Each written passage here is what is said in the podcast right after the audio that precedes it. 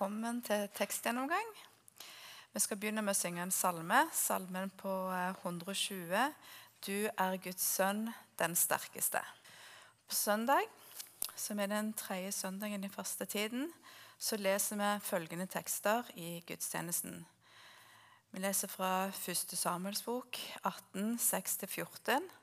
Og dette er fortellingen om Saul som blir misunnelig på David og har en ond ånd som plager han. Og så leses det fra Efeserne 5, 1-2 og 8-11, hvor vi får en formaning om å ha Gud som forbilde.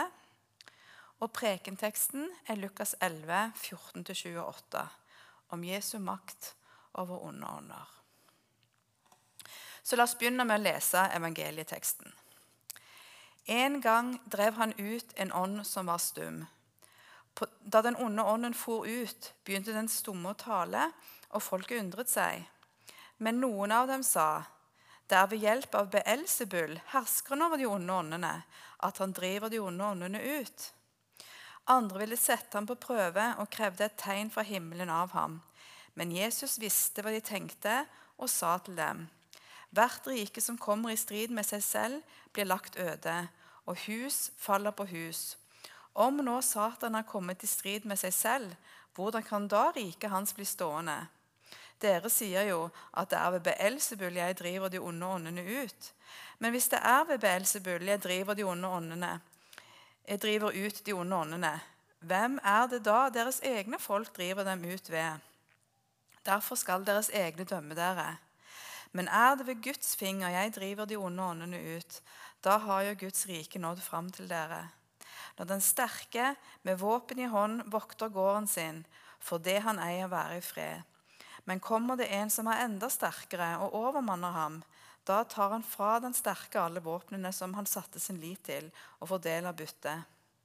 Den som ikke er med meg, er mot meg, og den som ikke samler med meg, han sprer. Når en uren ånd farer ut av et menneske, flakker den omkring over øde vidder på leting etter et hvilested, men uten å finne det.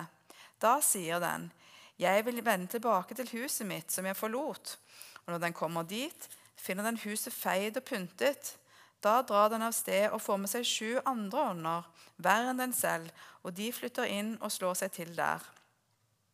Og det siste blir verre for dette mennesket enn det første. Da han sa dette, ropte en kvinne i folkemengden til ham.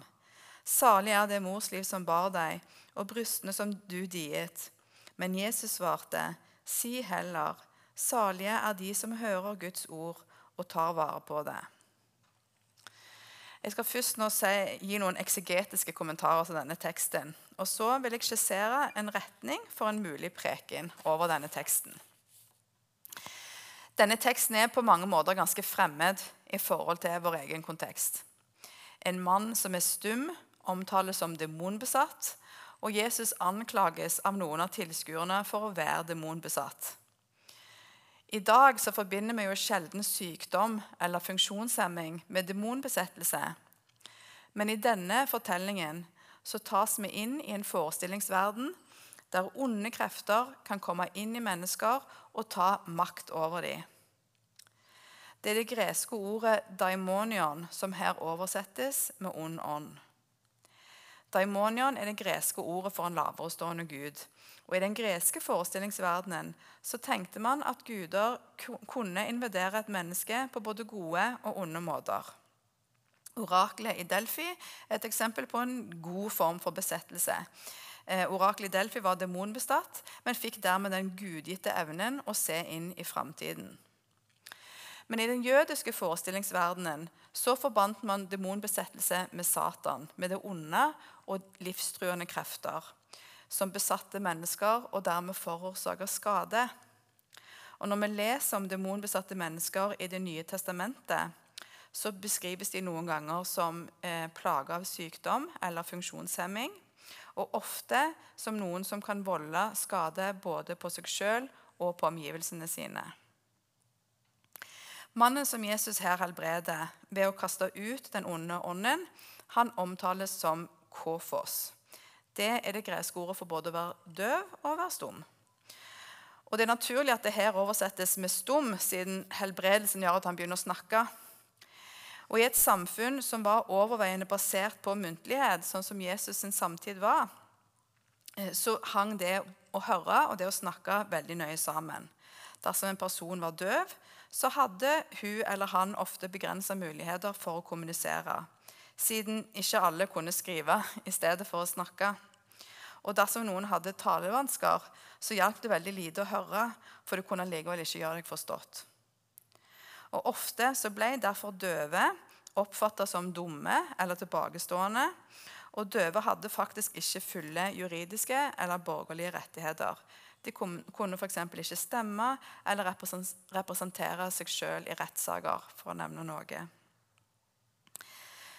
Men i denne teksten så er jo selve helbredelsen bare opptakten til en anklage mot Jesus og en lengre utlegning av Jesus om onde ånder og Satans makt. Vi får på en måte en liten innføring i jødisk demonbesettelsesteori. Blant annet får vi høre om Beelzebul. Hvem i all verden er det? Eh, jødene forestilte seg at det var en slags hierarki i åndeverdenen, der Satan troner på toppen, og Beelzebul var Satans mektigste demon. Så anklagen mot Jesus er at han kaster ut en demon fordi han sjøl er besatt av en sterkere demon en som befinner seg lenger oppe i dette åndehierarkiet.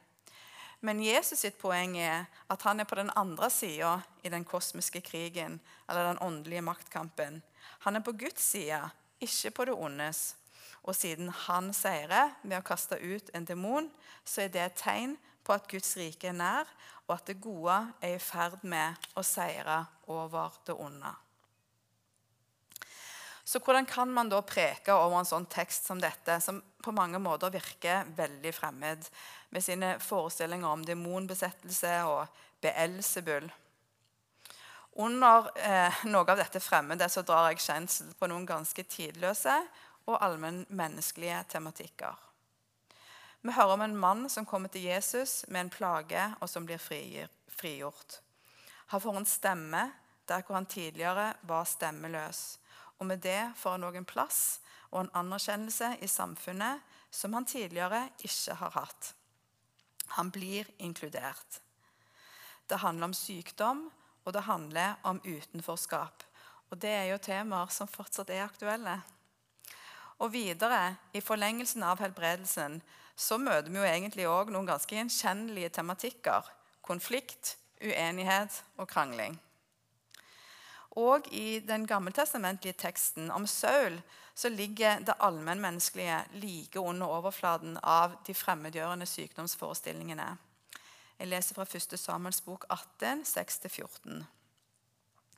Da Herren kom hjem etter at David hadde felt filistene, kom kvinnene syngende og dansende ut fra alle byene i Israel for å møte kong Saul med trommer, gledesrop og triangelspill. Mens de danset, sang kvinnene. Saul slo tusener, men David slo titusener. Da ble Saul brennende harm. Han mislikte disse ordene og sa, de gir David æren for titusener, med meg bare for tusener. Nå mangler han bare kongsmakten. Fra den dagen så Saul skjevt til David. Dagen etter kom det en ond ånd fra Gud over Saul. Han ble helt fra seg inne i huset, og David spilte på harpen som han gjorde hver dag. Saul hadde et spyd i hånden. Han kastet spydet mot David og tenkte, nå spidder jeg ham til veggen. Men David bøyde seg unna for ham to ganger. Vi kan ikke stille en diagnose på grunnlag av denne teksten eller fastslå hva det var som egentlig feila Saul. Men vi kan veldig lett kjenne igjen både misunnelse og hat. Saul er misunnelig og hater denne jyplingen som han ser er i ferd med å ta hans egen plass mer og mer. Og Kanskje kan noen av oss også kjenne seg igjen i David. Han har en leder som ikke vil han vel. Det er en maktperson som står han etter livet. Dersom de hadde hatt en HMS-ansvarlig ved eh, hoffet, så tror jeg nok at han ville grepet inn ganske umiddelbart. Jeg håper virkelig ikke at konfliktnivået eh, på din arbeidsplass eller din familie er fullt så høyt som ved hoffet til Saul. Men vi kan kjenne igjen noe av det. ikke sant? Og I evangelieteksten så tenker jeg at vi møter et snev av misunnelse. Denne kvinnen som roper ut helt på slutten der 'Salig det morsliv som bar deg'. Kanskje hun kjente på et snev av misunnelse overfor Jesu mor, Tenk å få være mor til en sånn flott folkeleder og helbreder.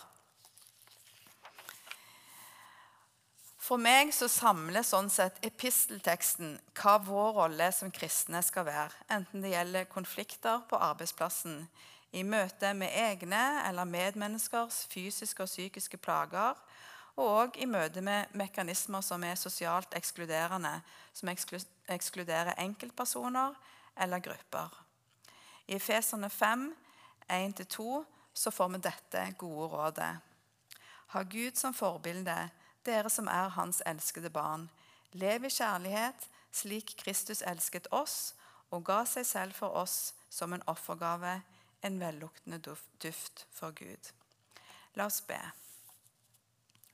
Allmektige Gud, du overvinner ondskapen.